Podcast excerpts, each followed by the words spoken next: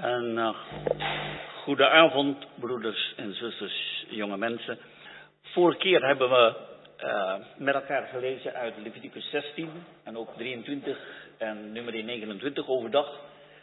Um, ik dacht aan uh, nog twee teksten, ook uit uh, Hebreeën 9, maar dan vers 26. Hebreeën 9, vers 26, tweede gedeelte. Maar nu is hij eenmaal, met nadruk, in tegenstelling tot uh, Grote Verzoendag, elk jaar opnieuw, eenmaal in de voleinding van de eeuwen geopenbaard om de zonde te niet te doen door de offerlanden van zichzelf. De Heer Jezus is dus hier de zondoffer voor de Heere. Zullen we straks nog overdenken. Vers 28. Zo zal ook Christus eenmaal geofferd om de zonden van velen te dragen. We zullen straks zien. Hierin is de Heer Jezus de weggaande bok. De bok voor Azazel die de zonde van het volk wegdraagt, ver weg naar het oosten, naar de woestijn. En dan wordt gezegd hier, eenmaal geofferd om de zonden van velen te dragen, de tweede maal zonder zonde verschijnen tot behoudenis aan hen die hem verwachten. Daar zien wij het uiteindelijke uh, komst van de Heer Jezus uit het heiligdom, uit de hemel, naar buiten toe. Ze zullen Hem zien die zij doorstoken hebben. En wij christenen, wij zullen Hem zien als het lam staand als geslacht. Dus dat, uh, hier vinden we in Hebreeën 9 al meteen een hele samenvatting van de kern van de grote verzoendag. Wel, eerst nog dit. Um, het gaat in het christelijk geloof om de persoon en het werk van de Heer Jezus. Er waren uh, Hebreeuwse christenen die door vervolging of door alle mogelijke redenen dreigden terug te vallen in het, uh, in het Jodendom. En toen heeft de apostel, naar mijn overtuiging apostel Paulus, de brief aan de Hebreeën geschreven met de bedoeling om deze gelovigen te bemoedigen. Te bemoedigen dat ze, uh, dat ze begrijpen wat het verschil is tussen het oude en nieuwe bedeling. En dat hun hart opnieuw gericht zijn op de Heer Jezus. Dat ze niet meegesleurd wordt terug naar de schaduwbeelden, naar het Jodendom. En het antwoord op die problemen, vind je in de Hebreeënbrief, is het zien op de persoon van de Heer Jezus. Het gaat dus niet om technische feiten, maar het gaat om het zien op de persoon van de Heer Jezus. En om naar de persoon van de Heer Jezus te kijken, gebruikte de apostel de grote verzoendag. En dat is denk ik wat wij ook met elkaar moeten vasthouden. Als we nadenken over deze dingen, dan is dat niet meer terugkeren naar het verleden, kijken naar de geschiedenis. Interessant, het Jodendom. Nee, al deze dingen zijn schaduwbeelden die heen wijzen naar de persoon en het werk van de Heer Jezus, met de bedoeling dat we als gelovigen versterkt en bemoedigd worden. Als wij die dingen zien, dan zeggen we ja, de Heer Jezus, onze apostel en hoge priester, hij is om de vreugde die voor hem lag, heeft hij het kruis verdragen, de smaad niet geacht. Laten wij diezelfde weg ook bewandelen. Wij mogen ook om de vreugde die wij mogen zien, de heerlijkheid van de Heer Jezus, bemoedigd om die weg van lijden, want dat is toch als christen, hè, wij, God heeft ons geen makkelijke reis beloofd, maar wel een behouden aankomst. Dat makkelijke reis, nee, wij gaan door moeite. Maar we worden bemoedigd om die weg te gaan, doordat wij de Heer Jezus zien. Dan mogen we net als Petrus op de storm gaan lopen, op het water gaan lopen, als we ons oog op Hem gericht zijn. Maar hoe, hoe doen we dat, op Hem ons ogen richten? Dat doen we Dat doen we door met elkaar na te denken over de Hebreeënbrief. Want de Heer Jezus zegt in Johannes 5, de schrift is het die van mij getuigt. Het hele Oude Testament gaat om de Heer Jezus. Maar heel in bijzonder de allerheiligste dag van het Jodendom, de Yom Kippur, de grote verzoendag, dat wijst op de persoon en het werk van de Heer Jezus. En God geven dat we, als we met elkaar over deze dingen nadenken vanavond, dat we onder de indruk komen, niet van allerlei technische details, maar van de persoon en het werk van de Heer Jezus. Um, naast heel veel dingen uit de Bijbel, zal ik ook als illustratie af en toe ook verwijzen naar wat de Joden in de praktijk van het Jodendom doen ten aanzien van de grote verzoendag. Dat geeft soms wat uh, verlichting, dat soms ook dat je, dat je met een glimlach kijkt van nee, dat is, dat is toch niet zo. Want uh, dat moeten we goed onderscheiden. Wat we uit de Bijbel hebben, dat is het woord van God. Wat we uit het Jodendom vinden, dat is een mengsel tussen menselijke dingen en dingen waarvan we zeggen, ja, dat, dat maakt de schrift toch iets duidelijker. Ja?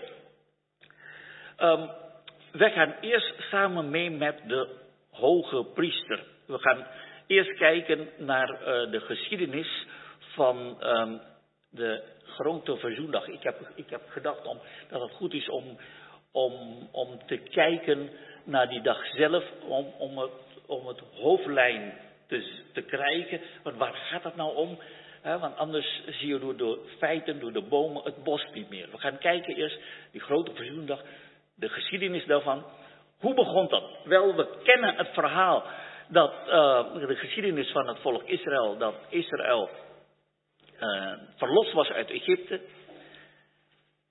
We weten dat Mozes op de berg, naar de berg Sinai geklommen was heeft de twee stenen tafel ontvangen van, eh, van de Heere God.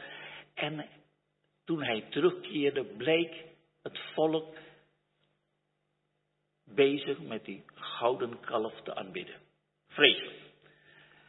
En toen keerde Mozes terug naar de Heere God.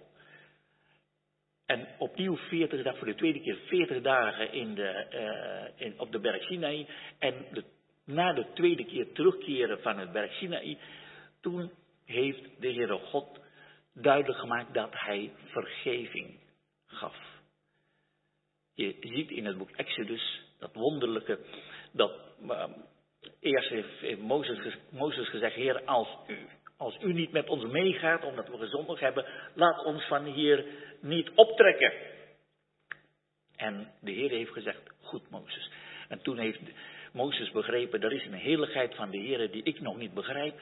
En toen heeft uh, Mozes gevraagd, toon mij uw heerlijkheid, Heer. En toen heeft de Heer in die spleet, in de rots, de geslagen rots, dat is een spleet, dat is een plek, beeld van Christus geslagen. En vanuit die plek heeft Mozes de heerlijkheid van de Heer gezien. En die heerlijkheid van de Heer, wat hij zag, staat in verbinding met de grote verzoendag. En het Joodse, uh, de Joden hebben toen geteld en hebben gezegd, ja, exact na die, aan het einde van de tweede 40 dagen, vanuit het paascha gerekend, dan zijn ze terechtgekomen op de tiende van de zevende maand. En dat is dus de grote verzoendag. Op die dag heeft de Heer dus de grote verzoendag gegeven. Ten aanzien van de zonde van het, Israël, van het volk Israël, ten aanzien van de gouden kalf. Ik maak een hele grote sprong naar de toekomst. In de toekomst zal de grote verzoendag straks ook voor Israël weer actueel worden. Want we hebben uitvoerig gezien van die drie grote feesten. Pascha, Pinksteren en uh, de, de, herfstfeesten. De uh, feest des geklanks, feest uh, Grote Verzoendag en tenslotte Loofhuttenfeest. Het eerste Pascha wijst op het werk van de Heer Jezus. Pinksteren, de gemeente van het Nieuwe Testament, gemeente van de levende God. En het laatste, de zevende, wijst op het volk Israël. Zevende maand bedoel ik. We hebben vorige keer ook uitvoerig gezien, zevende dag, Sabbat, zevende maand, dat is feest des geklanks. En tien dagen later feest, uh, uh, grote, grote verzoendag. Zevende jaar, sabbatjaar. Zevende weekjaar, jubeljaar. Al die zevens hebben allemaal te maken met het volk Israël. Die zeven, de zevende dag, dat is het teken van Gods verbond met het volk Israël. Dus ook hier, de drie feesten van de zevende maand, heeft allemaal te maken met het herstel van het volk Israël. En als Israël straks hersteld wordt, dan is dat ook grote verzoendag. Want dan, ik, eh, ik heb Daniel 9, vers 24. Om de ongerechtigheid te verzoenen en om eeuwige gerechtigheid te brengen. Na die 70 jaarweken, dat is een jubeljaar, dan zal de Heer de ongerechtigheid van Israël verzoenen. Welke ongerechtigheid? Dat zijn die twee grote zonden van het volk Israël. Namelijk dat ze Christus verwerpen en dat ze de antichrist aannemen. Dat vind je in Johannes 5. In Johannes 5 zegt Heer Jezus, ik ben gekomen, 43, ik ben gekomen in de naam van mijn vader en jullie nemen mij niet aan. Straks komt een andere in zijn eigen naam, die zul je aannemen. Dat is de antichrist. Dus twee grote zonden. Christus verwerpen en de antichrist aannemen. De antichrist, die volgens de Thessalonicense brief zegt, ik ben God. Nou, in plaats van hem te stenigen, zullen ze hem aannemen. En de Heer Jezus zegt, ik ben de zoon van God. En hij werd gekruisigd omdat hij gelasterd heeft. Omdat hij zichzelf zoon van God heeft verklaard. Ja, en dan wordt Israël, komt Israël met erkenning van hun zonden. En ze zullen tot hun schrik, net als de broers van Jozef, ontdekken. De onderkoning, dat is onze broer Jozef die we hebben verworpen. Ze zullen hem zien die zo doorstoken hebben. En ze zullen een rouwklacht aanheffen. En dan wordt het feest des geklanks, dat verootmoediging, realiteit worden. Dus ik maak even een sprong. 2000 jaar geleden ruim gezondig, grote verzoendag. En de vervulling daarvan, dat komt binnenkort wat het volk Israël betreft. Voor ons zullen we met elkaar zien, dat is nu al grote verzoendag. Waarom is dat? Dat zullen we zien, omdat bij de grote verzoendag onderscheid wordt gemaakt tussen het werk van de Heer Jezus voor zijn huis en voor zijn volk. Voor zijn huis, dat is de gemeente. Voor zijn volk, dat is het volk Israël. Die twee komt tot uiting in Leviticus 16. Dus dat, uh, dat zullen we met elkaar, uh, met elkaar ook, uh, ook zien. Nog iets anders. Um, het bestaan van het volk Israël, Yom Kippur, de grote verzoendag, is noodzakelijk. Wil het volk Israël bij God kunnen komen. Maar 70 jaar lang, tijdens de ballingschap van Babel, was er geen Yom Kippur. En dat is vreselijk. Toen Zerubabel terugkwam, het eerste wat gedaan werd, was ook het altaar herstellen en dan weer de grote verzoendag. Want zonder grote verzoendag kan dat volk Israël niet bestaan. Want hoe kun je bestaan als je zonde niet vergeven wordt? Maar 70 jaar lang was dat niet gebeurd. En als je vraagt aan een Jood, waarom is dat? Dan pakken ze hun Bijbel. Ze kennen hun, Bijbel heel goed. Het net als de schriftgeleerde. Waar zou de Messias geboren worden? Zegt Herodes. Dan zegt ze, eh, Bethlehem. Daar doen ze verder niks mee, maar ze weten het wel.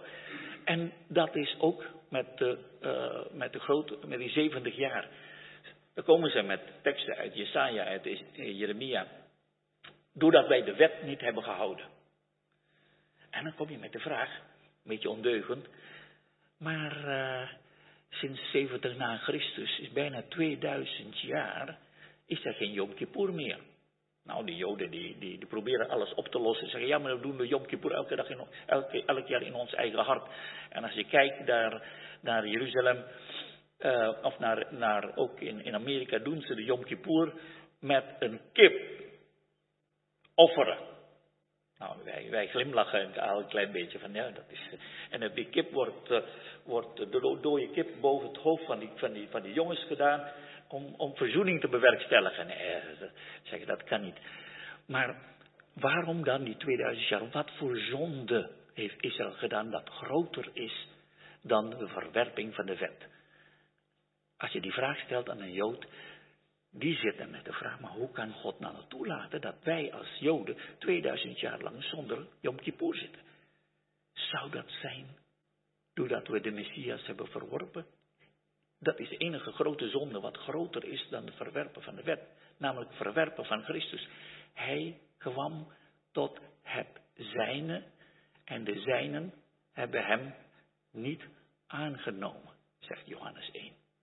En dat is, dat is voor ons van heel groot belang om, om te beseffen, de grote verzoendag, dat is van allergrootste belang voor het volk Israël. Dat is niet voor niets dat de Yom Kippur oorlog, dat de Arabieren, die hebben eindig begrepen hoe, de, hoe dat is bij de Joden. Ze hebben Israël aangevallen in 1973 op de meest heilige dag van Israël. Daar is het niet een gewoon sabbat, dat is een volkomen sabbat. Een volkomen sabbat, dat is overtreppende trap. Dus op allerlei manieren, dat gaat zelfs boven de sabbat uit.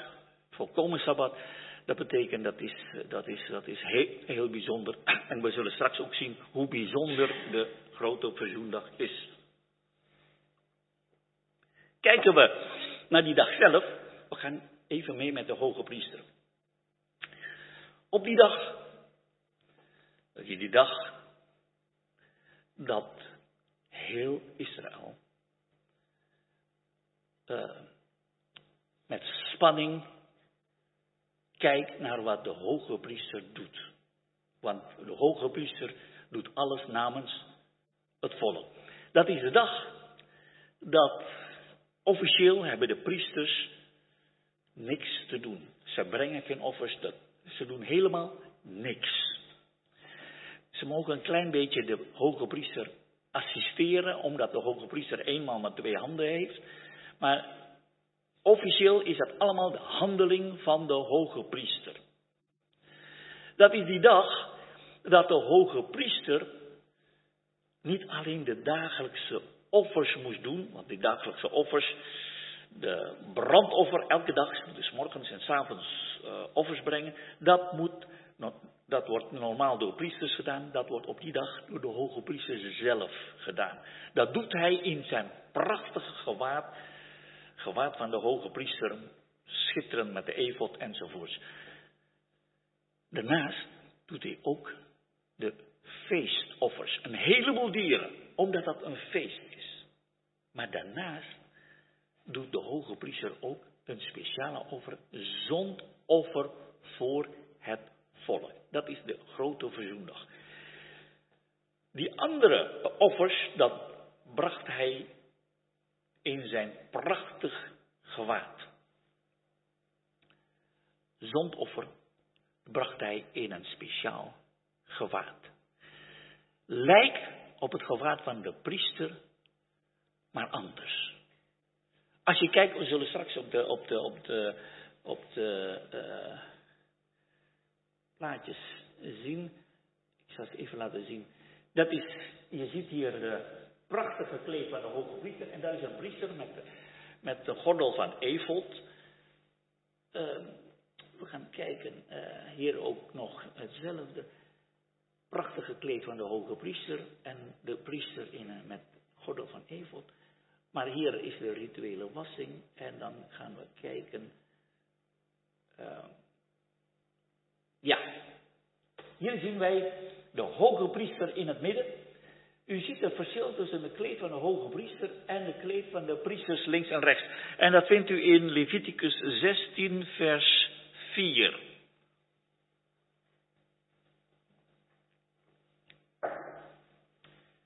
In Leviticus 16, vers 4 vind je dat de hoge priester een wit gewaad moet aantrekken, net als de priesters. Maar die, gebruikt hij een wit gordel in plaats van een evot gordel. Er is nog een verschil, dit verschil, die, uh, die linnen van de, van de priester, dat wordt gemaakt van de dure Egyptisch linnen. De, eh, voor, voor de hoge priester is dat een andere woord, van goedkoop, plaatselijk gegroeid uh, linnen. En dat is dat goedkoop linnen. En dat werd gebruikt door die hoge priester. Waarom is dat? Om te benadrukken, dat lijkt daarop, maar niet hetzelfde. Romeinen 8 zegt, gelijk aan het vlees van de zonde. De priesters zijn zondig, maar bij de Heer Jezus is dat volkomen. En die witte, dat wordt totaal benadrukt door de, alles is geheel wit. En het feit dat dat, uh, dat, dat van goedkoop linnen is, dat wil zeggen dat hij niet alleen gekomen is om te dienen, maar hij is, hij is gekomen om te dienen met zijn leven.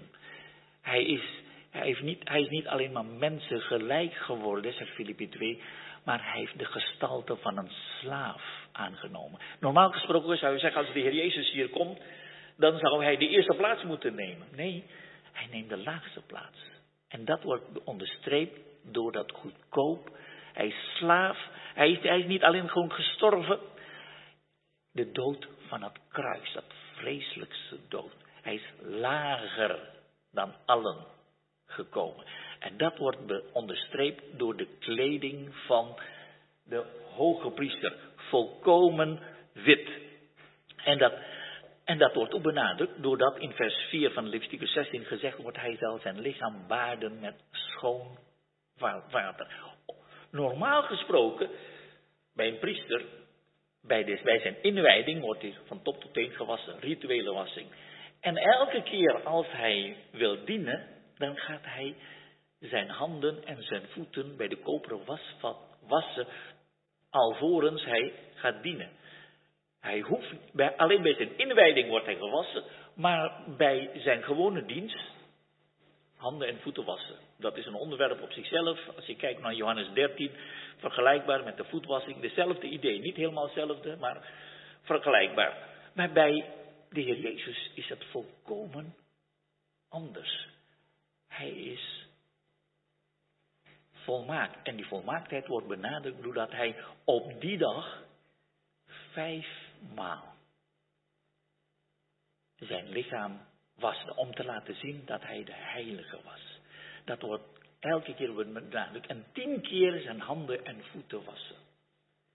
U ziet dat dat allemaal anders is dan alle andere, alle andere situaties. Dat is een dag heel bijzonder. De hoge priester doet op dit moment alles. En daarom mogen we elke keer bedenken hoe bijzonder deze dag is. En dan ook nog dat de beelden die we hier vinden niet toereikend zijn om het werk van de Heer Jezus en de persoon van de Heer Jezus te omschrijven. Ik noem even een voorbeeld.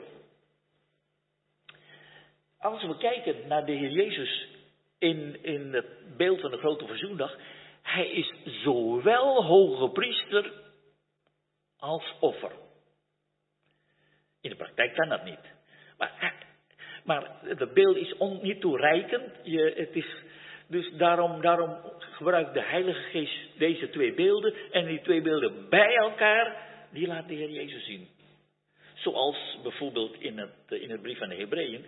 De Heer Jezus is de apostel en hoge priester van onze beleidenis. Hij is zowel onze Mozes als onze Aaron. En zo kan je doorgaan in de Bijbel dat al die beelden van het Oude Testament zijn maar zwakke beelden die eigenlijk niet toereikend zijn om de werkelijkheid te omschrijven. Is dat, uh, ja, ik hoop dat dat, dat, dat, dat, dat, dat dat duidelijk is. Dat de Heilige Geest met eerbied gesproken zoekt naar woorden om de dingen die geen oog heeft gezien, geen oor heeft gehoord, in geen mensenhart is opgekomen, om die in menselijke bewoordingen tot ons te vertellen. En dan moeten we, zoals we gebeden hebben, ook nog geopende ogen van onze harten. We moeten wedergeboren zijn, maar daarnaast moeten we geopende ogen van onze harten hebben om de Heer Jezus hierin te zien en onder de indruk komen van zijn heerlijkheid. Dus dan, dan zien wij, eh, de, de, de tabernakel is een beeld van de hemel. En dan begrijpen we dat in Exodus 25 dat Mozes de tabernakel heeft gebouwd naar het model die hij in de hemel heeft gezien. In openbaring 12 lezen we dat Johannes, hij kwam in de hemel en toen zag hij de tempel van God in de hemel en de ark van, zijn, van het verbond in de hemel. Kijk, op aarde is de ark van, de ark van het verbond vanaf Nebuchadnezzar verdwenen. Niemand weet wat dat is. Maar in de hemel is nog steeds de originele. En de Heer Jezus, die is ingegaan in die hemelse tempel. Met zijn eigen bloed. Niet een, een hoge priester, die, die doet dat met, met het bloed van dieren en bokken. Maar ook dat zijn zwakke beelden, want dieren van, uh, van stieren en bokken, dat is grote verzoendag, die kunnen geen zonde wegnemen. Maar dat is allemaal een heenwijzing naar het bloed van de Heer Jezus. Dus elke keer als je Leviticus 16 leest en je al die, al die beelden ziet, dan begrijp je dat gaat om de Heer Jezus. We hebben vorige week, vorige maand gezien dat Leviticus 16 het centrale gedeelte is, de kern, het hart is van Leviticus. De offers die we hier vinden, vind je al in Leviticus 1 tot met 5. Maar dat wordt hier zo gebracht om die enige gebeurtenis te beschrijven. De grote verzoendag. Verzoening, dat betekent bedekking. Dat, dat wordt bedekt.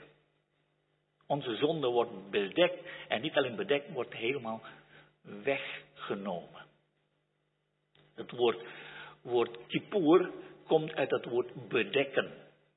De stam daarvan.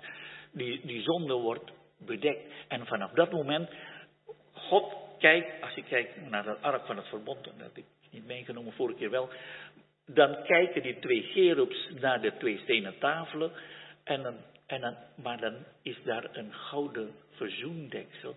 En op die gouden verzoendeksel deksel wordt bloed besprengd. En als God het bloed ziet, net als bij, uh, bij de Exodus 15, bij Pascha, dan, als ik het bloed zie, ga ik u voorbij. Dan komt het oordeel niet.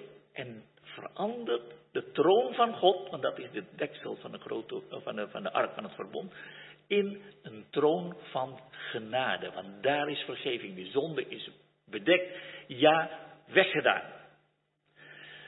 Nu kijken we naar de, uh, uh, naar de essentie van de uh, grote verzoendag zelf. We hebben gezien dus dat, dat de hoge priester aan het begin zijn uh, zijn, werk doet, zijn werk doet in zijn prachtige kledij, aan het einde van de dag ook. Maar middenin, dan heb je de werkelijke grote verzoenig zelf, dat doet hij in die witte kleed.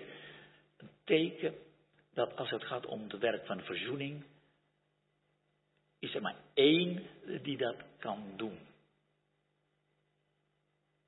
Alleen de Heer Jezus kan dat doen. Als het gaat om de om het herstel van deze aarde door, door verlossing, openbaring 5, dan moest Johannes wenen, want er is niemand in de hemel, op de aarde of onder de aarde waardig bevonden om het boekrol met zijn zeven zegels te openen.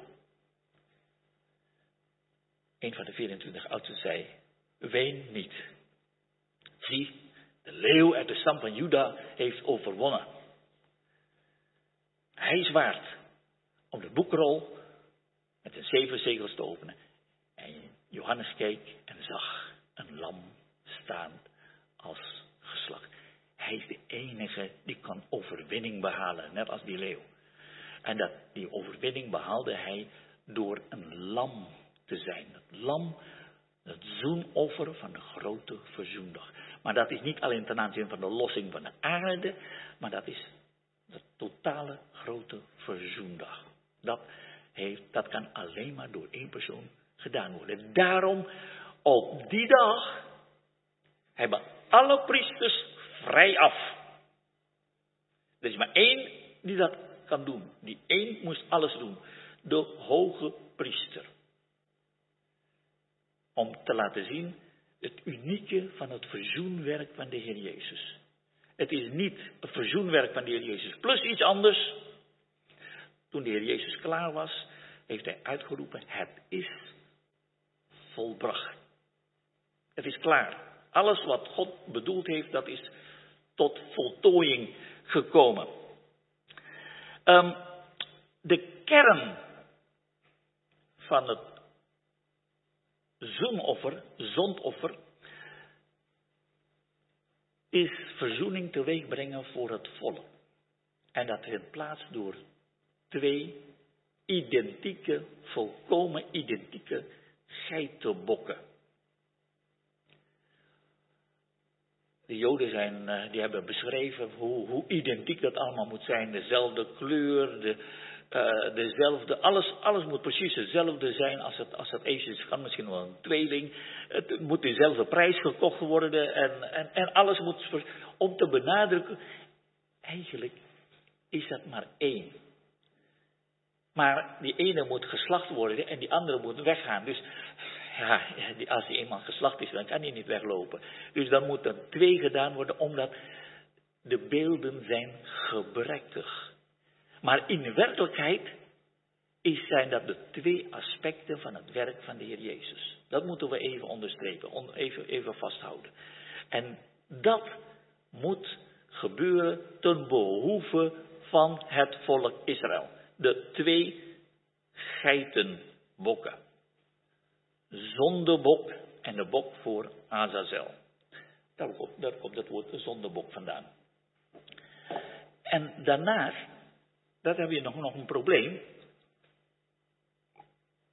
Hoe kan de hoge priester het offer brengen ten behoeve van het volk? Want de hoge priester zelf is zondig. Wel, Leviticus 4 maakt duidelijk, er is een zondoffer voor de priester. En de zondoffer voor de priester, dat is een stier. Dus, voordat de hoge priester, die zelf ook mens is, zelf ook zondig is, in staat is om zondoffer te brengen voor het volk, moest hij voor zichzelf zorgen en eigenlijk ook voor zijn hele familie. En dat gebeurt door die stier, want de offer voor het zondoffer voor, een, voor in, in Leviticus 4 voor een priester is een, is een, is een stier. Dus dan, dat die twee dingen moeten gebeuren. Eerst offer voor zichzelf en zijn huis. En daarna voor de twee geitenbokken. Later in het begin was het zo dat de kinderen van Aaron waren de priesters. Uh, Nadab, Abihu, Eleazar, Itamar. Nadab en Abihu zijn gestorven, blijven twee over, Eleazar en Itamar. Dat waren de priesters. Later werd één van de twee hoge priester. En die anderen, en de kleinkinderen, werden allemaal priesters. Maar nog veel later zijn een heleboel nakomelingen van Aaron, waardoor onderscheid werd gemaakt tussen het huis van de hoge priester, de familie van de hoge priester, en de priesters.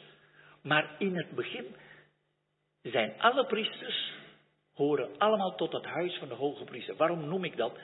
Daarin zien we het onderscheid met het Jodendom. Bij het Jodendom hebben ze dus uh, die scheiding gemaakt. Maar in het begin was dat niet zo. En in de uitleg, Hebreeën 3, is dat ook niet zo. In Hebreeën 3 wordt duidelijk gemaakt dat de gemeente van de levende God van het Nieuwe Testament, dat is het huis van God. Dat is niet wat ik bedacht heb, dat zegt de Hebreeënbrief. En ook uh, vele andere brieven. We zijn het huis van God. Waarbij we soms denken, ja, huis, huis. Huis, dat is een gebouw, maar dat is niet altijd zo. Het, is, het huis is zowel het gebouw als de familie. Toen God met David sprak, David zei, ik wil voor de Heere God een huis bouwen. David, jij kan geen huis voor mij bouwen. En jouw zoon zal voor mij een huis bouwen, maar ik zal voor jou een huis bouwen. Dat betekent niet dat de Heere God een paleis bouwde voor David. Nee, hij zorgde voor nakomeling, de zoon van David. Het huis, dat is in, in, in, in Nederland ook het woordje huis. Je hebt het paleis Soesdijk, dat is een huis waar, waar ze wonen. Maar je hebt ook het huis van Oranje. Dat is familie. En zo is het ook in de Bijbel. Het woord huis wordt altijd afwisselend gebruikt voor een gebouw en een familie. Dat is wonderlijk. En als we dat begrijpen, dan begrijpen we, we zijn het huis, we zijn bestaan uit kinderen, maar we zijn ook stenen van het gebouw. Dat woordspeling, dat gebruikt ook Johannes de Doper, hè, dat God bij machten is om bij, uit deze stenen kinderen van Abraham te verwekken. Stenen en kinderen, in het Hebreeuws is het bijna hetzelfde woord. Eben en ben, dat is een woordspeling. En dan samen opgeteld wordt dat een huis. Wij zijn het huis van God. Alleen de zondoffer voor het huis is groter dan het zondoffer voor het volk Israël. Waarom is dat? De positie van de gemeente in de Bijbel is hoger dan de positie van Israël. De gemeente is Gods hemels volk. De Heilige Geest is inwonend in de gemeente. Het is niet dat we intelligenter zijn dan de Joden, denk ik, dat de Joden veel intelligenter zijn dan wij, maar door de Heilige Geest hebben we meer mogen verstaan van het werk van de Heer Jezus. En daarom is onze positie en onze verantwoordelijkheid groter dan de Joden. En de geiten, dat, is, dat, dat wijst op Gods aards volk, Israël. God heeft twee volkeren, hemelsvolk, aardsvolk. Dat komt allemaal tot uiting in Leviticus 16. Je ziet ook in de profetie van Caiaphas in, eh, in Johannes 11 dat de Heer Jezus zou sterven niet voor het volk alleen, Israël, maar om de verstrooide kinderen van God, de gemeente, bijeen te vergaderen. Dus die twee, die, dat onderscheid tussen die twee vind je door heel de Bijbel heen. En dat is goed om dat onderscheid te maken. Maar dat is goed om, om te beseffen dat wij Gods hemels volk zijn. Met inzicht, meer, veel meer inzicht over het werk van de Heer Jezus, omdat we na het kruis leven. En omdat de Heilige Geest in ons is. Dan het volk Israël. En dat zal ons ook bewaren om terug te keren naar de schaduwbeelden. Zoals Galatenbrief dat duidelijk maakt. Zijn de, heel veel christenen vandaag de dag zijn gecharmeerd van het Jodendom en dreigen terug te keren in het Jodendom.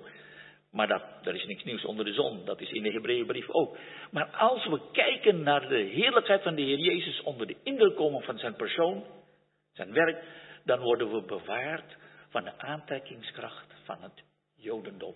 En daarom is het goed om te begrijpen onderscheid. Wel, we kijken nu even naar de, naar, uh, naar de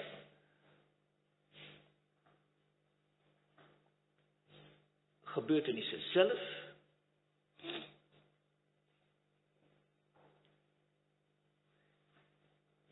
En daarna kijken we naar de, naar de twee geitenbokken. Um, grote verzoendag, er is een voorwaarde. Je leest in Leviticus 16 dat ze zich moeten verootmoedigen, ze moeten vasten. In de Bijbel, in het Oude Testament, wordt gesproken over vasten, maar er is niet één keer is een opdracht gegeven om te vasten. De Joden leiden dat af van het woord verootmoedigen. Als je je verootmoedigen, moet je vasten. Dat staat ook in Psalm 83. Ik vast mij en ik verootmoedigde mij. Die twee woorden zijn parallel. En dat betekent bij dat vasten hoort verootmoediging. Vasten en niet, alleen maar niet eten zonder dat je je verootmoedigt heeft totaal geen waarde. Maar verootmoedigen is niet iets wat je uh, een knop drukken dat je, dat je meteen, nou ga ik me verootmoedigen. Het is niet, je kunt dat niet programmeren. Het moet door Gods geest bewerkt worden in ons hart. En bij de Joden is dat op de eerste dag van de zevende maand feest des geklanks. Voor de liberale Joden is het de Rosh Hashanah, het, de, het, het nieuwjaarsdag. Maar het nieuwjaarsdag is eigenlijk tegelijkertijd het feest des geklanks. Dan wordt uh, de shofar geblazen. De shofar om ons ook te herinneren. Een ram moest sterven. Wil Isaac in leven blijven? De Bijbelse waarheid van plaatsvervanging. God zegt, Isaac moest sterven. Maar hoe kan Isaac leven terugkeren? Dat kan toch niet? Is God teruggekomen op zijn woord? Nee. Er is een andere in plaats van Isaac gestorven. Dat moeten we leren ook in het Nieuwe Testament. Wij hadden moeten sterven. Het loon van de, van de zonde is de dood. Ik had moeten sterven. Maar hij is tot zonde gemaakt. Hij, de rechtvaardige, is gestorven voor ons onrechtvaardige, om ons tot God te brengen in Petrus 3, vers 8. Heel bijzonder als we over deze dingen nadenken, dat we gaan beseffen, ja, uh, op die eerste dag van de zevende maand wordt opgeroepen om ons te verootmoedigen. En wat Israël betreft, is de oproep onder verootmoediging zal straks verbonden zijn met de tijd van de grote verdrukking. Helaas is het zo, je moet vaak in moeilijkheden zijn voordat je gaat nadenken over wat je, waar je mee bezig bent. De, de verloren zoon moest eerst honger lijden en, en dan echt, zelfs varkensvoer kon hij niet krijgen, helemaal in de goot voordat hij nadenkt, waar, waar ben ik nou eigenlijk mee bezig? En zo met, met, de, met de broers van Jozef. Waarom heeft Jozef überhaupt die, eh, die broers, is dat wraakgevoelens om, om hen in de gevangenis te stoppen? Nee, dat is zijn wijsheid. Jozef was een wijze man. In die tijd, in de gevangenis, toen krijgt hij tijd om over na te denken. Vaak moet de Heer ons ook in moeilijkheden brengen, voordat we tot onszelf komen. Hé, waar ben ik nou mee, eigenlijk mee bezig? En zo zal het volk Israël in die grote verdrukking, net als de broers van Jozef, tot zichzelf komen. Net als die verloren zoon. En dan beseffen, ja, waarom is dit ons overkomen? En dan zullen ze begrijpen. We hebben Christus verworpen. Dat zeiden de ook, de broers ook tegen elkaar. Ja, dit is ons overkomen doordat we Jozef hebben destijds zo hebben behandeld. En dat zullen de Joden in de toekomst ook doen. In de grote verdrukking. Dus de grote verdrukking is niet de wraak van God. Maar dat is de liefdevolle, tuchtigende hand van God voor het volk Israël. Dat is het begin van de oproep van God om zich te verootmoedigen. En dat lees je in, in, in Zachariah 12. Ze zullen zich verootmoedigen. Ze zullen, net als Saulus van Tarsus, die zag, de Heer Jezus zag de Messias. Wie bent u Christus? Wie bent u Messias? Ik ben Jezus die gij vervolgt. Wat een schrik. Ze dachten dat ze God dienden. Maar ze waren te vechten tegen God. En dat toen heeft Saulus drie dagen zich moeten verootmoedigen en echt eh, dat moet verwerken. En dat is, dat is die tien dagen van beproeving tussen de eerste en de tiende dag dat Israël tot zichzelf moet komen. Dat die orthodoxe Joden die nu nog op de grond spugen als ze de naam van Jezus horen, dat ze zullen buigen voor de naam van de Heer Jezus. Dat komt nog in de tijd van de grote verdrukking. En dat wordt aangekondigd door die bazuin. Je vindt dat ook twee keer in het boek Ezra, Ezra 3 en Ezra 9. Toen ze terugkwamen, toen werden ook de bazuin geblazen. Toen was het, wanneer komen ze bij elkaar in Ezra 3 en Ezra 9? Op de zevende maand, in de eerste dag. En toen wordt de wet voorgelezen. En toen de wet werd voorgelezen, toen moest het volk wenen. Een deel zette juichen, omdat het altaar weer herbouwd is en de tempel, maar een ander deel moest wenen. En dat is ook het werking van het woord van God. Enerzijds verootmoediging, enerzijds blijdschap, dankbaarheid. Eh, dat dat, eh, we mogen feest vieren, maar de Joden mogen feest vieren met bittere kruiden.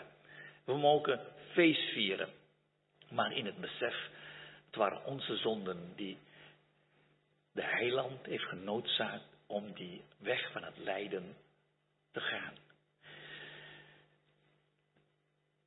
We gaan verder. Ehm, de Joden, eh, de derde dag, dan moest de hoge priester, omdat dat zo'n belangrijke taak is, tien dagen leren om exact goed te doen.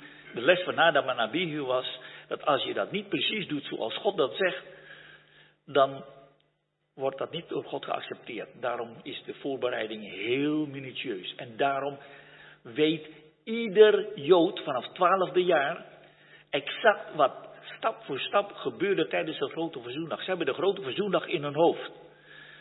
Ze kunnen, ze kunnen eh, eigenlijk ook de kinderen thuis, zij de hele dag zaten ze denken, oh ja, nou is het negen uur, nou is de hoge priester daar. En half tien is de hoge priester daar. En dan doet de hoge priester dat en dat.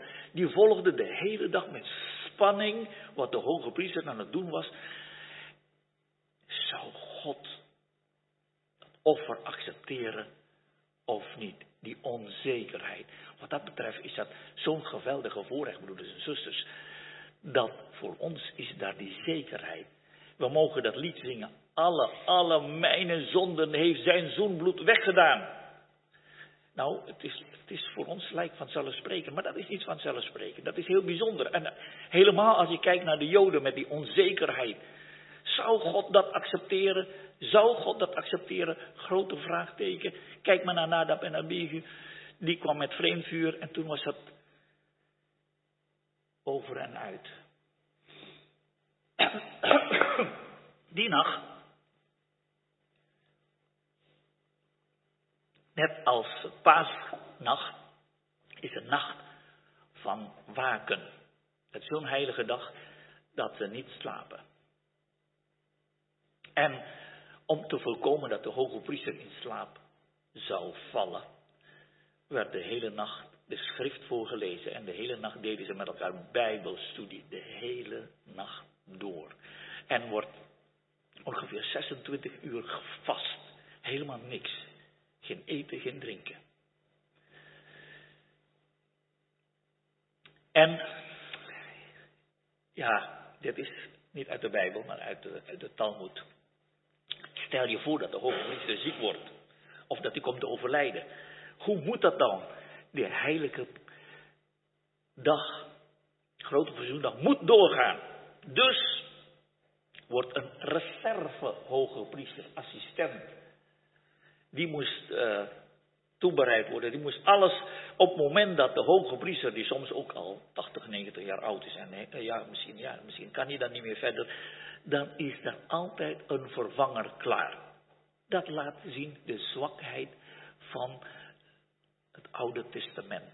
Dat zijn zwakke, zondige mensen. Maar die reserve hoge priester heeft straks ook nog een taak. Een dag voor de Yom Kippur moest de hoge priester, die niet gewend is met dat werk, want meestal wordt dat werk door de priesters gedaan, um, de dieren leren kennen en dat wordt verteld, alles onderwezen, want de hoge priester moet alles zelf doen, die moest verteld worden, ja dat is, uh, dat is een stier, dat is een bok en dat moet zo zo gedaan worden. En moest oefenen met reukwerken, ook reukwerk. Moest alleen door de hoge priester gedaan worden. Normaal gedaan door de priesters, nu de hoge priester. De reukwerk. Dat is in de Bijbel, lees je in openbaring 8, het verlenen van kracht aan de gebeden van gelovigen. Door die hoge, eh, de reukwerk maakt duidelijk, zo kun je tot God naderen tot een heilig en rechtvaardig God. Want uiteindelijk, de grote verzoendag wil ons tot God brengen. Dat laat ons zijn liefde zien. Maar hoe kun je naderen tot een liefdevolle God als je bedenkt dat Hij ook nog heilig is? En je kunt niet spotten met de heiligheid. Onze God is een verterend vuur. Wij denken aan God soms als een vriendelijke oude man. Nee, dat is, dat, zo is hij niet. We denken soms als oh, God als een, een vriend of wat. Hij is de grote God van de eeuwigheid, de heilige God. Onze God is een verterend vuur, een heilige God, die geen ene zonde door zijn vingers kan zien. Maar hoe kunnen we, als we dat beseffen, tot Hem naderen? Dat is de les van de grote verzoendag. ons de les geven dat God licht is. Hij is liefde, ja, maar hij is ook licht. En voor ons is de les dat, dat we moeten gaan voor ons gaan verwonderen dat we tot die God mogen naderen met vrijmoedigheid, terwijl hij een heilig en rechtvaardig God is. Maar dat kunnen we alleen maar dankzij reukwerk, de aangenaamheid van het persoon en het werk van de Heer Jezus. Dat moeten we altijd beseffen. Als ik daar kom, dan is dat niet in de kracht van mijn eigen verdiensten, omdat ik zo vroom en zo goed ben. Nee, Heer, ik mag naderen langs de nieuwe en levende weg die u hebt toebereid. Het bloed van Christus. S morgens vroeg. Het volk komt allemaal in de voorhof. De priesters daar. En dan zie je dat altaar. Zoals we gelezen hebben in vers 4 van Leviticus 16. Moest de hoge priester op die dag vijf keer wassen. één keer hier je ziet daar dat hij, dat hij klom uh, naar boven. En uh, dat, dat witte kleed om de, om de me mensen te verhinderen naar binnen te kunnen kijken. Hij gaat zich wassen en dan gaat hij zijn werk doen. Eerst de dagelijkse offers en uh, feestoffers, dat doet hij in die schitterende kleed. En dat is een kleed dat in de Bijbel genoemd wordt heerlijkheid en eer. En als we denken aan de Heer Jezus, nu bekleed met heerlijkheid en eer, dat betekent, wat ons betreft, heeft hij zijn witte kleed van 2000 jaar geleden afgelegd. Hij is in de, naar de hemel gegaan en God heeft hem, handelingen 2, verklaard tot Heer en Christus. God heeft hem met heerlijkheid en eer bekleed. Dat betekent, hij is nu weer bekleed met de heerlijkheid die hij had eer de wereld was. Johannes 17. Vader, verheerlijk mij met de heerlijkheid die ik bij u had eer de wereld was. Waarom is dat? Eerst had hij die schitterende kleed. Dat heeft hij zijn God gelijk zijn niet als roof geacht. Heeft hij afgelegd. De, hij is mensen gelijk geworden. Gestalte van slaven aangenomen. Witte kleed. Maar nu daarom heeft God hem verheerlijkt en een naam gegeven die boven alle naam is. Hij is nu weer in de hemel, is hij weer verheerlijkt. Dat is dat beeld wat we daar met elkaar mogen zien. De tweede tot de vijfde uh, wassing, dan is het die wassing dat hij uh, deed. Hij klom met zijn prachtige hoogpriestelijke kleed en hij kwam terug in het witte kleed. Hier zien we die rituele wassing. Ach, je ziet daar, volgens de Talmud, uh, dat doen ze dan van die gloeiende uh, uh, ijzeren ballen. Eerst in het vuur om het water te verwarmen. Want dat koud water, als die, als hoge een beetje reumatisch is, een beetje oud is, ja, dan dat koud water, dan, kan hij niks meer. Dus dan moet warm water allemaal gedaan worden. Je ziet weer de zwakheid van de hoge priester van weleer. Um, reukofferen dat gebeurt uh, drie keer. Twee keer de dagelijkse reukoffers, maar één keer van de grote verzoendag. Dus hier zien wij de dagelijkse, dus dat is nog in zijn prachtige kleed. En dat, dat gebeurt in het heiligdom. Eén keer wordt het reukoffer gedaan in het heilige der heiligen en dat doet hij in zijn witte kleed. Hier zie je de dagelijkse offers en de feestoffers, dat heb ik verteld. Uh, elke dag één, uh, Exodus 29. S'morgens een lam ter brandoffer en s'avonds ook. Dag, elke dag opnieuw. De twee belangrijkste offers van, van Israël. Brandoffers dagelijks en jaarlijks zoenoffer. En dan zondoffer voor Aaron en zijn huis. Hier vind je het verschil tussen het Oude en het Nieuwe Testament. Voor de hoge priester van het Oude Testament moet een zondoffer gebracht worden. Dat is bij onze heiland niet nodig. Hij hoeft het niet te offeren voor zichzelf. En dan is dit een offerande voor de gemeente. Voor de priesters, voor ons, maar niet voor zichzelf. God heeft hem drie keer uh, God heeft de hemel drie keer geopend. God heeft hem een paar keer verklaard vanuit de hemel. Deze is mijn geliefde zoon. Hij is volkomen een onberispelijk en onbevlekt lam. Bij zijn komst Bij zijn dienst, begin van zijn dienst op aarde, heeft Johannes de Doper hem geïntroduceerd. Zie het lam van God.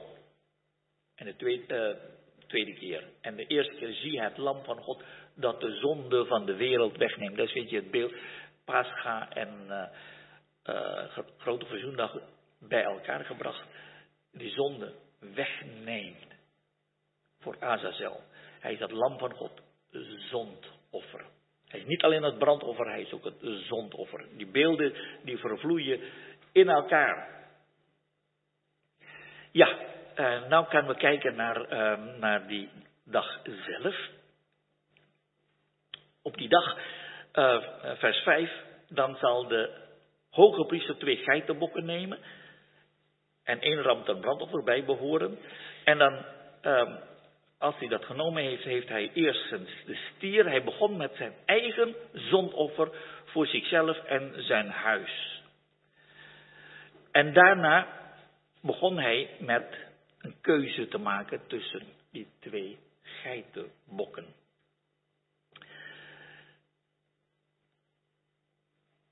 Ja, dat zien we daar. En dan komen we met iets wat uit de Talmud komt, maar toch, toch uh, verduidelijken. Uh, daar zie je de hoge priester in het midden. Rechts zijn assistent, de reserve hoge priester. En links de uh, hoofd van de um, priesterlijke familie die die dag dienst heeft. En ze hebben allebei een, een, een scharlaken koor. En daar heb je de hoge priester met een, een urn. Kalpi geheten van goud. Nou, ik heb geen kist van goud, dus daar moet je maar een beetje goud voorstellen. En daarin zitten twee loten. En dan wordt het geschud. En dan wordt er twee uh, loten gepakt. En dan, en dan bij die ene, ene uh, hand wordt geopend en dan wordt duidelijk gemaakt. Hier staat Le Yahweh voor de Heere. En hier staat Le Azazel voor Azazel. En dan is dat besloten, dus die ene is voor, uh, voor God geofferd te worden en de andere moet naar de woestijn. De Joden zeggen dan in de Talmud, het is een gunstig teken dat God dat aanneemt als voor de Heer rechts is en voor de uh, Azazel links is. Daarom wordt ook gezegd, um, hoge priester, til uw rechterhand. En als hij dat rechterhand opent dan, en dan zegt hij, oh voor de Heer. En dan een zucht van opluchting, want dat is een gunstig teken, de Heer zal het aannemen. In de Talmud, in de Joma 39, wordt gezegd, het is toch wonderlijk dat vanaf 40 jaar voor de verwoesting van Jeruzalem, het is niet meer rechts. Het is constant maar links. Joden begrijpen dat niet. Maar misschien is daar een hint voor de Joden, want 40 jaar voor de verwoesting van Jeruzalem werd onze heiland gekruisigd. En vanaf dat moment is dat zoenoffer niet meer aangenaam. Benadruk nog een keer, het is niet een gegeven vanuit, uh, vanuit de Bijbel, maar vanuit de Jodendom zelf. En toch, een christen die dat hoort, die zegt, oh, hé, hey, merkwaardig, merkwaardig. En dan lezen we verder, um, dan zal Aaron de bok waarop het lot voor de Heer gevallen is brengen en hem ten zondoffer bereiden. Die scharlakkenkoord voor de heren, daar wordt de scharlakken, uh, dat wordt aan de nek van de dier bevestigd. En die andere scharlakkenkoord wordt aan de horen van de dier bevestigd. En de nek betekent, die moet uh, geslacht worden. En die andere aan de horen, die moet weggaan. En dan die loten, die twee loten, die worden ook bevestigd op de horens van de twee dieren. Om verwarring te voorkomen. Dus dan weet je zeker dat dat, als die geiten straks door elkaar lopen, dat je niet, welke was dat ook weer? Nee, dan weet je zeker, dat is voor de heren, dat is voor, uh, uh, voor Azazel. Uh, voordat we verder gaan met, met, uh, met de grote verzoendag, eerst dit. Wat is het verschil tussen die twee? Waarom, waarom die twee geitenbokken? Die twee geitenbokken dienen om de twee zijden van het werk van de Heer Jezus voor ons te benadrukken, te onderwijs te geven. Want dan leren wij dat zonde is niet alleen ons probleem, zonde is een probleem voor de Heer. Dat is voor het eerst. Hoezo dat dan? Door onze zonde wordt de eer van de Heer aangetast. Dat vergeten we. Als um, als een rollenblaadje iets schrijft over koning Willem-Alexander, dan is dat niet voldoende om een boete te, uh, te geven aan dit rollenblaadje. Die moet rectificeren. Die moet, eh, de eer van de koning moet hersteld worden. Er moet een artikel komen waardoor, waardoor, uh, waardoor de, de redactie ja, moet verklaren, dat was helemaal fout, dat is, en dan moet duidelijk worden dat, dat, dat dat niet terecht was. En zo ook met onze zonde. In de eerste plaats moet de eer van God hersteld worden. En dat is wat de Heer Jezus heeft gedaan. Hij is het lam van God gekomen om God, Gods eer te herstellen. En dat heeft hij aan het kruis van Golgotha gedaan. Geweldig is dat. Dat is iets, iets zoiets, God, dat is de waarheid van genoegdoening. God moet genoegdoening gedaan. Maar daarnaast heb je een tweede, dat is onze zijde.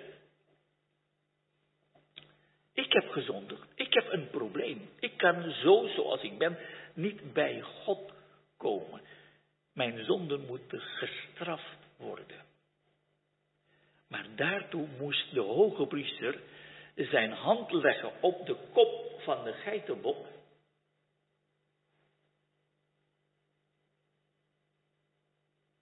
Nou, dat vinden we toch niet meer. Ja. Nee. Dan moet ik maar zo doen.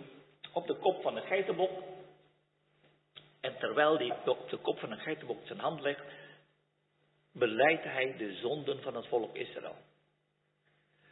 En dat wordt door de hoge priester, dat beleidings drie keer gedaan. In de Bijbel is dat twee keer, maar de Joden doen dat drie keer. Bij de Joden is het voor de hoge priester en zijn familie op de stier. En daarna de tweede keer voor de priesters. En de derde keer bij die geit. De geitenbok voor de Heer. Beleidt hij de zonde van het volk, volk Israël. En daarna wordt de geitenbok geofferd. Ik maak even een fout. De beleidenis wordt gedaan bij de bok voor Azazel. De eerste wordt geslacht en daarna wordt bij de bok voor Azazel de handen opgelegd en wordt de zonde beleden en de zonde wordt weggedragen. Zover het oosten is van het westen, zover doet hij onze overtredingen van ons. Dat is niet een geografisch gegeven, maar dat is het verhaal van die geitenbok voor Azazel. Die is naar het oosten gegaan. Naar een afgezonderd land, om nooit meer terug te keren. En daar vind je de waarheid van uh, de zonde wegdragen.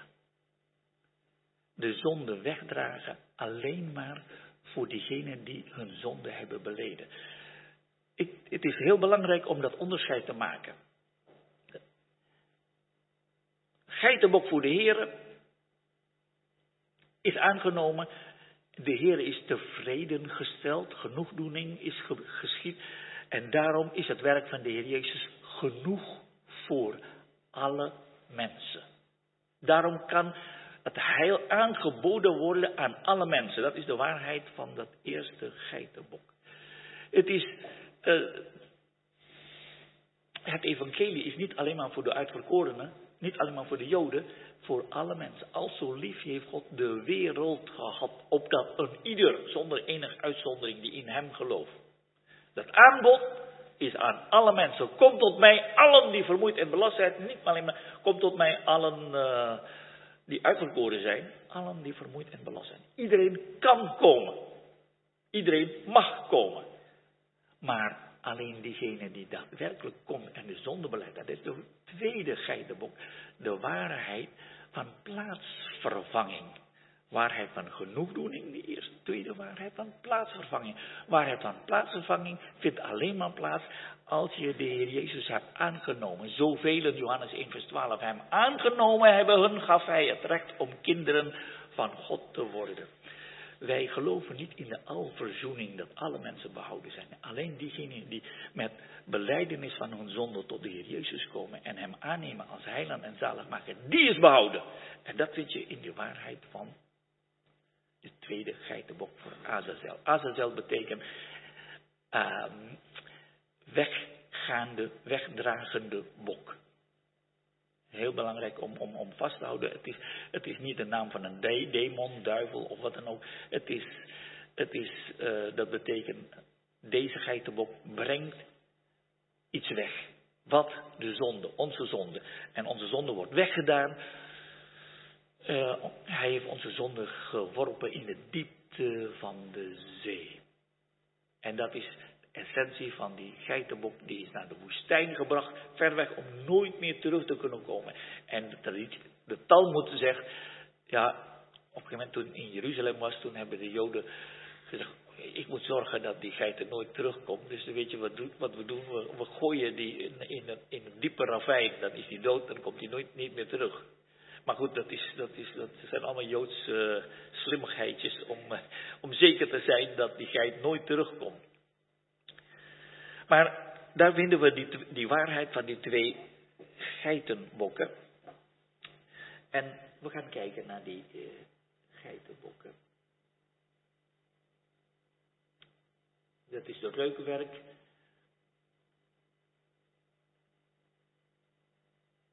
Het bloed van de stier wordt naar binnen gebracht. Nou, voordat we verder met die geitenbokken, dat bloed wordt zowel van, uh, van de stier als van de geitenbok werd besprenkeld op en voor het verzoendeksel. Eén keer op het verzoendeksel naar boven en zeven keer voor het verzoendeksel. Wat betekent dat? Op het verzoendeksel, dat betekent God ziet vanaf dat moment niet meer die twee stenen tafelen, God ziet het bloed. En dan voor God is dat volbracht. Zeven keer naar beneden voor het verzoendeksel betekent op, vanaf dat moment is het een geheiligde plaats waar een aanbidder kan staan. Want wat is het doel van het verzoenoffer? Wat is het doel van het werk van de Heer Jezus? We lezen in 1 Petrus 3, om ons tot God te brengen. God verlangt onze aanwezigheid. De Vader zoekt aanbidders. We kijken naar het hart van God en God wil graag dat ieder van ons, dat wij tot Hem zouden komen. Niet alleen maar, niet alleen maar om te genieten van de vergeving van zonde, maar als aanbidder. Kijk, die verloren zoon die kwam naar de, naar de vader. Waarom? Omdat hij van zijn vader hield? Helemaal niet. Anders was hij al eerder gekomen. Hij kwam omdat hij honger had. Hij dacht, nou bij mijn vader, dan heb ik genoeg te, te eten. Maar zijn vader was niet tevreden met, een, met een, nog eens een knecht die, die gevoed moet worden. Hij had behoefte aan een kind die in zijn armen komt.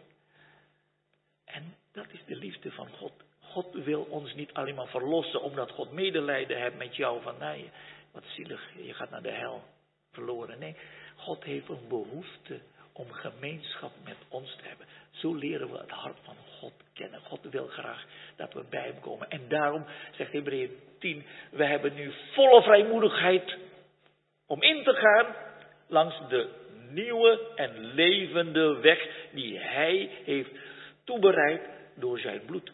Dat slaat op die zeven keer. Dat bloed voor het verzoendeksel. Dat is het verlangen van God. God. Zegt, God nodigt ons uit als het ware. Het is Leviticus 1, toen de tempel tabernakel klaar was in, in, in, in Exodus, uh, boek Exodus. Dat eerste wat God deed in Leviticus 1 vers 1 was, en de Heere riep. De Heere nodigt ons uit, kom. Niet om zondoffer te brengen, om brandoffer te brengen. Om hem groot te maken, om hem want je kunt alleen maar tot God komen als je met gevulde handen komt. En daarom het woord inwijding. De priester wordt ingewijd. In, in het Hebreeuws is het de handen van de priesters worden gevuld. Want je kunt niet komen met lege handen. Dat wij tot God komen, dat is vrijwillig. God nodigt ons uit als gelovigen. Maar hoe wij tot God komen, dat is niet aan ons overgelaten om te bepalen hoe we komen. Hij bepaalt hoe wij tot hem komen. Hij is de gastheer. Hij zegt, als je komt, ja, als die ene die komt daar zonder, zonder bruiloftskleed, ja, zeg nou, ja, ga je er maar eruit. Je, kunt alleen maar tot God komen als je handen gevuld wordt. Korban, dat woord korban, uh, offeren, dat betekent eigenlijk tot God naderen. Want je kunt alleen maar tot God naderen met een offer. Je komt naar een verjaardag. Nou, dan neem je een cadeautje. Je komt bij, bij, bij, bij een, een, een, eh, op bezoek bij iemand die je waardeert. Dan neem je een bos bloemen. Dat is nog vrijwillig. Maar je kunt bij God niet komen met lege handen. Maar je mag bij God komen Net als Simeon, met al je gevoelens, je bewondering voor de persoon van de Heer Jezus. Als je, als je de Heer gaat aanbidden, dan mag je weten, als je iets vertelt over de Heer Jezus, dan is het de Vader altijd aangenaam. Hij zoekt aanbidders. Hem, hem die komt om hem iets aan te bieden. Maar wat kun je aanbieden? En de Heer, de Heere God heeft de hemel geopend en verklaard, dat zie ik graag, de Heer Jezus. En de priester, als die tot God nadert, als hij, als hij gekleed is, is het door normaal elke dag. De priester mag de kleed dragen, het huid van de stier, die geofferd is, van een brandoffer. Dat maakt duidelijk dat als ik tot God kom, God ziet mij in Christus aan. God ziet mij in de aangenaamheid van de persoon van de Heer Jezus. Als ik tot hem bid, dan is het dankzij de kracht van het reukoffer, het werk, de aangenaamheid van het persoon van de Heer Jezus. We gaan verder naar de geitenbokken. Hier zien we die verzoendoksoffer. Ook voor het altaar, ja. Hier wordt uh, bok voor Azazel de zonde beleden. Die dag is zo heilig dat op die dag, alleen op die dag, uh, knielen de Joden. De Joden knielen nooit als ze bidden. Alleen op die, uh, op die grote verzoendag. Dan op dat moment wordt, uh, wordt de naam Yahweh, de naam van Yahweh mag nooit genoemd worden door niemand. Anders gaan ze ijdel gebruiken. Alleen op de grote verzoendag wordt de naam Yahweh tien keer gebruikt door de hoge priester. Bij elke beleidenis drie keer en één keer bij dat lot. En als de naam van, de, van Yahweh wordt gebruikt, dan vallen alle Israëlieten op en dan gaan ze bidden tot de God en God aanbidden en groot maken. Om ons de indruk te geven van hoe heilig die dag is voor het volk Israël. Dat is terecht. Maar voor ons om te laten zien dat de meest heilige dag van de Joden in het Oude Testament een heenwijzing is van het werk van de Heer Jezus aan het kruis van Golgotha. Er is één Bijbelboek, Hebreeënbrief, dat eigenlijk een verklaring is van Leviticus 16. De hele grote verzoendag wordt uitgewerkt en Hebreeënbrief is een van de minst gelezen, begrepen boeken in de christenheid. Maar dat is dat, is dat boek dat meest als geen andere de heerlijkheid van het werk en de persoon van de Heer Jezus ons laat zien. Dus u ziet, dat is een hele gemis als je weinig ziet van de grote verzoendag. Een Jood die begrijpt alles van de grote verzoendag, althans wat de details betreft, omdat hij elk jaar wat moet repeteren. En als, hij, als een Jood Hebreeënbrief zou lezen, dan zou dat in één keer van alles duidelijk worden. Wij hebben nodig om het Oude Testament weer te openen en te lezen, om Hebreeënbrief überhaupt te kunnen begrijpen. Want elke uitdrukking die je daar vindt, slaat terug op, op, uh, op uh, Leviticus 16. De zonde van het volk wordt beleden, dat is de kern van de grote verzoendag. Daar gaat het om. Zondebok, de Azazel, en dan wordt die bok weggebracht worden naar de woestijn. En de traditie zegt dat wordt gedaan worden door een vreemdeling, door een niet-Jood. Voor ons is het heel bijzonder, juist omdat de Heer Jezus aan het kruis gestorven is aan de hand van de vreemdelingen, de Romeinen. Naar een ver land. En nou ja, dat, dat, dat, zijn allemaal kleine details die, die niet zo interessant zijn voor ons. Ze hebben, ze hebben die afstand van vijf kilometer verdeeld in tien stukjes. En dat de afstand moet zijn, ja, dat, dat een halve sabbat, want die, die, mensen, die man wordt begeleid. En dan, dan, gaan die mensen weer terug. En dan mag je op die dag het is een volkomen sabbat, mag je één sabbatreis, dus dat is, de afstand is één halve sabbat en weer terug, dan ben je één hele sabbat. Dat zijn allemaal Joodse uh, bedenksels, dat staat allemaal niet in de Bijbel, maar uh, wel in het Talmud. Dan gaan ze ten oosten van Jeruzalem, richting uh, de woestijn van Juda, Juda, en dan wordt die geitenbok maar in de diepte van de ravijn geworpen om zeker te zijn dat hij nooit meer terugkeert. Voordat, de, uh, dat, is, dat is wel heel bijzonder.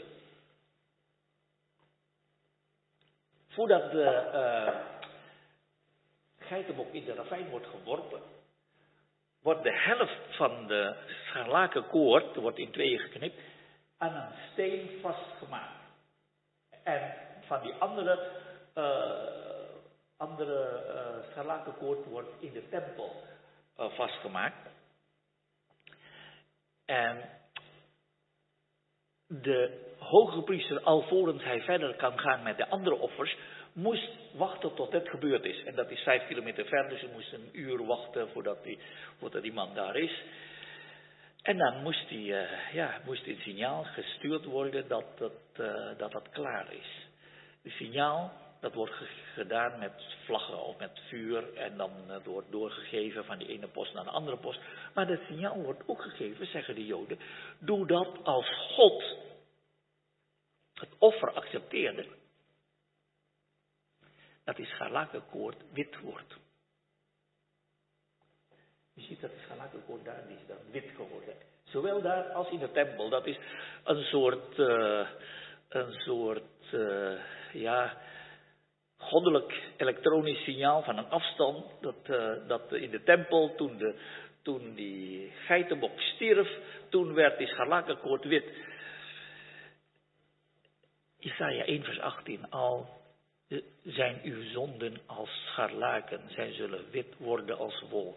Dat is een tekst die we, ja, zeg ja, dat is een mooie tekst natuurlijk. Maar als je dat verbindt met deze, ja, ik, ik zeg het nogmaals, het is van het Talmud, dus je mag, je mag ook niet al te veel waarde aan hechten, maar het is toch wel, je kijkt met een glimlach, denk je, nou ja. En dat niet alleen, dezelfde Joma 39, de Talmud, die vertelt ons dat 40 jaar voor de verwoesting van Jeruzalem, vanaf dat moment is de scharlakenkoord niet meer wit. Hé, hey, hoe zit dat dan? Zit daar niet een verborgen boodschap voor de Joden dat ze moeten nadenken van hé, hey, wat is er toen gebeurd? Ja, de Joden die zaten ook naar, naar te denken en, dat is voor hun een, een, een, probleem om, om te bedenken van ja, even achter je oren krabben van jongen, ja, ja, zou dat toch te maken hebben met de verwerping van de Heer Jezus? Een broeder heeft ooit gesprek hebben, uh, uh, op de Olijfberg met een rabbijn. En die vraag gesteld, ja die 70 jaar door de verwerping van de wet in die 2000 jaar, waarom is dat? En die rabbijn die kijkt, ja, nou ja. En toen zei, zei onze broeder tegen die rabbijn, zou dat zijn door de verwerping van Jezus van Nazareth? Hij draaide zich om, liep weg. Misschien. Er komt een moment dat de Joden dat zullen accepteren. Maar op dit moment zit een hele hoge drempel. Wat is de drempel? Niet omdat hij uh, een profeet zou zijn, of dat hij. Hij zou Messias kunnen zijn. Hij is opgewekt uit de doden. Natuurlijk kan. Uh, we geloven ook in opstanding, zeggen de orthodoxe Joden. Maar dat hij de zoon van God is, dat is een brug te ver. Dat gaat niet. Maar ze zullen zien. Want er staat in Zechariah 12, ze zullen mij zien. De NBG is fout. Ze zullen hem zien, zegt de NBG. De Statenvertaling zegt letterlijk vanuit het ze zullen mij zien die zij doorstoken hebben. En die Joden zitten met het probleem, hoe kan je Yahweh doorsteken? Dat kan toch niet, je kunt toch God niet doorsteken? Ja, dat kan als God mens is geworden. En dat is zo belangrijk dat als we de Heer Jezus zien in de hemel, dan zullen we hem zien als het lam staand als geslacht in het Grieks. Het woord geslacht is alsof dat net gebeurd is. Kijk, als ik ga bloeden, na drie minuten is het gestold hopelijk, dan, eh, dan is het klaar. na, na, na, na een dag is het, en dan een paar dagen is het, is het weg. Maar het lam staat als geslacht, het is alsof dat heel vers is. Waarom is dat? God wil dat we ook in de hemel, in de eeuwigheid, nooit zou vergeten wat de Heer Jezus gedaan heeft van het kruis. Dat die herinnering ons vers zou blijven. Daarom ook het avondmaal. En waarom elke week maar weer? Ja, omdat God wil, de Heer Jezus wil dat die herinnering vers blijft voor ons. Denk aan mij, zei Jozef tegen de, uh, de schenker, als het u wel gaat. De Heer Jezus zegt tegen ons, denk aan mij als ik je wel ga. Denk dat, dat ik geleden heb aan het kruis van Golgotha. Altijd maar aan de Heer Jezus denken. Dat is de betekenis van de scharlakenkoord die wit is geworden. De Joden getuigen dat, uh, dat scharlakenkoord de laatste 40 jaar voor de verwoesting niet meer wit is geworden. Daarna wordt uh, de resten van het zondoffer, van de, zowel van de stier als van de geit, buiten, op een, uh, op, buiten de legerplaats, buiten de stad verbrand worden. Hebreeën 12 maakt duidelijk 13. Daarom moest Christus ook buiten de legerplaats, buiten Jeruzalem, omdat hij het zondeoffer is, lijden. Dat maakt duidelijk, ook hij is, hij is het zondoffer voor ons. Dat maakt Hebreeën 13 ons duidelijk. En als alles klaar is, dan gaat de hoge priester naar, naar buiten. En bij de Joden is het zo. Hij gaat dan zijn familie uitnodigen voor een feest die avond, want hij heeft de grote verzoendag overleefd. Ja, ik zeg dat maar zo'n beetje. Uh, maar het is, het is voor de Jood heel spannend. Heel spannend dat dat, uh, dat naderen tot God is iets wat, uh, ja, wat, ja, het, als het fout gaat, dan kost dat ons leven. Ik moet het doen, maar het lot van het volk is mee gemoeid, maar als je dat niet goed doet, en daarom als, als, als, als het klaar is, dan gaat hij naar huis en aan het einde wordt de deur dicht gedaan. Het is klaar. De, dat zijn de uh,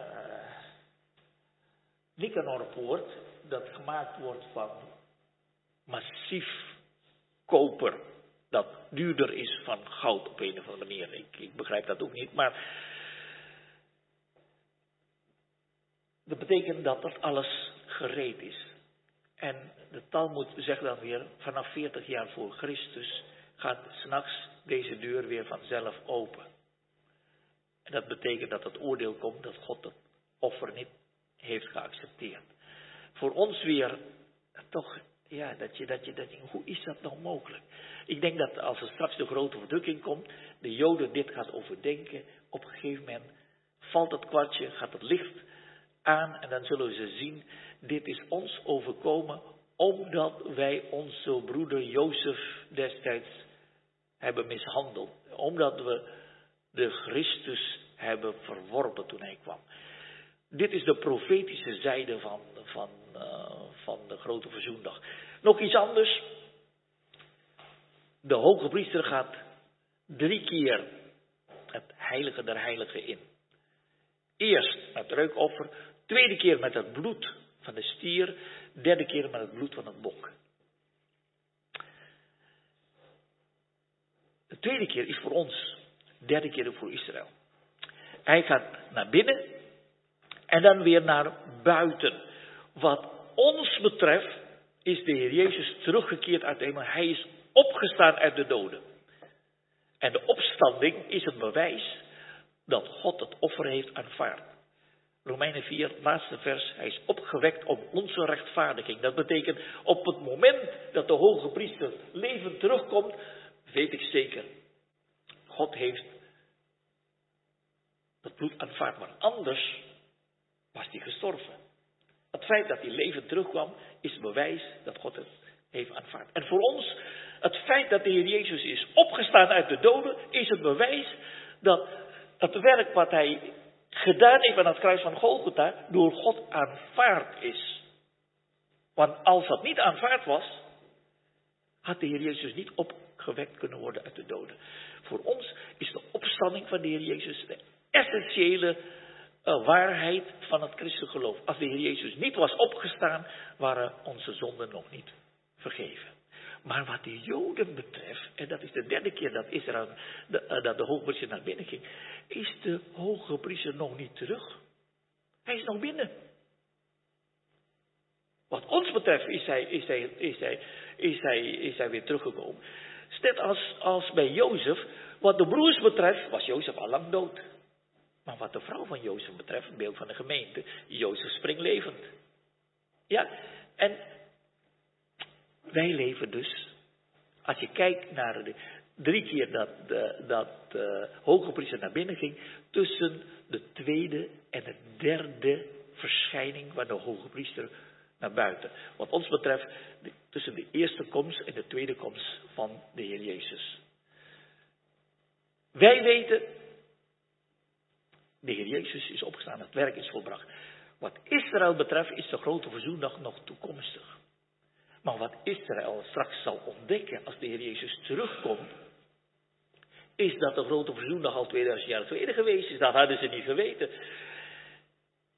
De broers van Jozef zeiden, ah, sorry, we hebben fout gedaan, we hebben gezondigd, we hebben jou. Uh, en Jozef zei, jullie hebben, uh, jullie hebben dat ten, verkeerd bedoeld, maar God heeft dat ten goede bestuurd. Toen jullie mij verkochten naar Egypte, toen was het God die mij vooruit heeft gestuurd om een groot volk in leven te redden. Wat betekent dat? Dat betekent dat toen die twintig jaar tevoren uh, Jozef wegging, toen was het om hem te redden.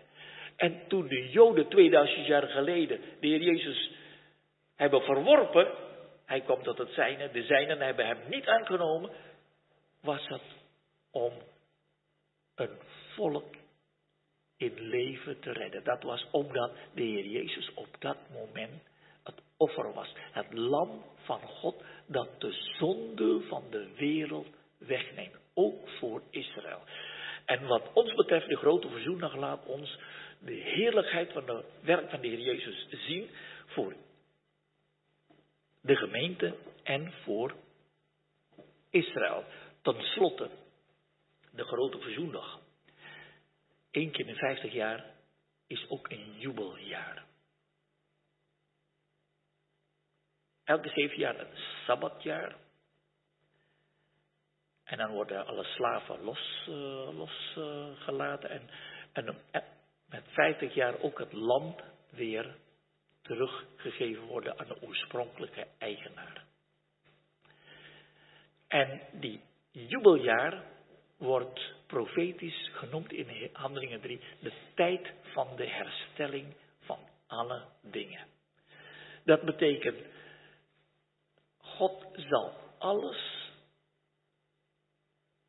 herstellen zoals Hij dat bedoeld heeft. En de Heer Jezus is de losser die dat zal verzorgen. God heeft de hemel en aarde geschapen met een bepaalde bedoeling. De mens heeft de aarde verkwanseld aan Satan. Satan is nu de overste van deze wereld. Maar eens zal de Heer Jezus komen en de jubeljaar aankondigen. En op grond van het werk van de Heer Jezus aan het kruis zal de Heer Jezus de hele aarde terugbrengen in de hand van dat is wat we ook moeten beseffen. Zijn werk is niet alleen voor de gemeente, niet alleen voor Israël, maar om alles te herstellen in de hand van God. En dat is de essentie van openbaring 5. Openbaring 5, dat boekrol, heeft te maken met Gods raadsbesluit en eigendom, papieren, zeg maar, van deze wereld. En de Heer Jezus is gekomen omdat, om die aarde, hij is de tweede mens, de, laatste Adam, die gekomen is om alles weer terug te brengen in hand van God. Opdat God uiteindelijk zij alles en in allen.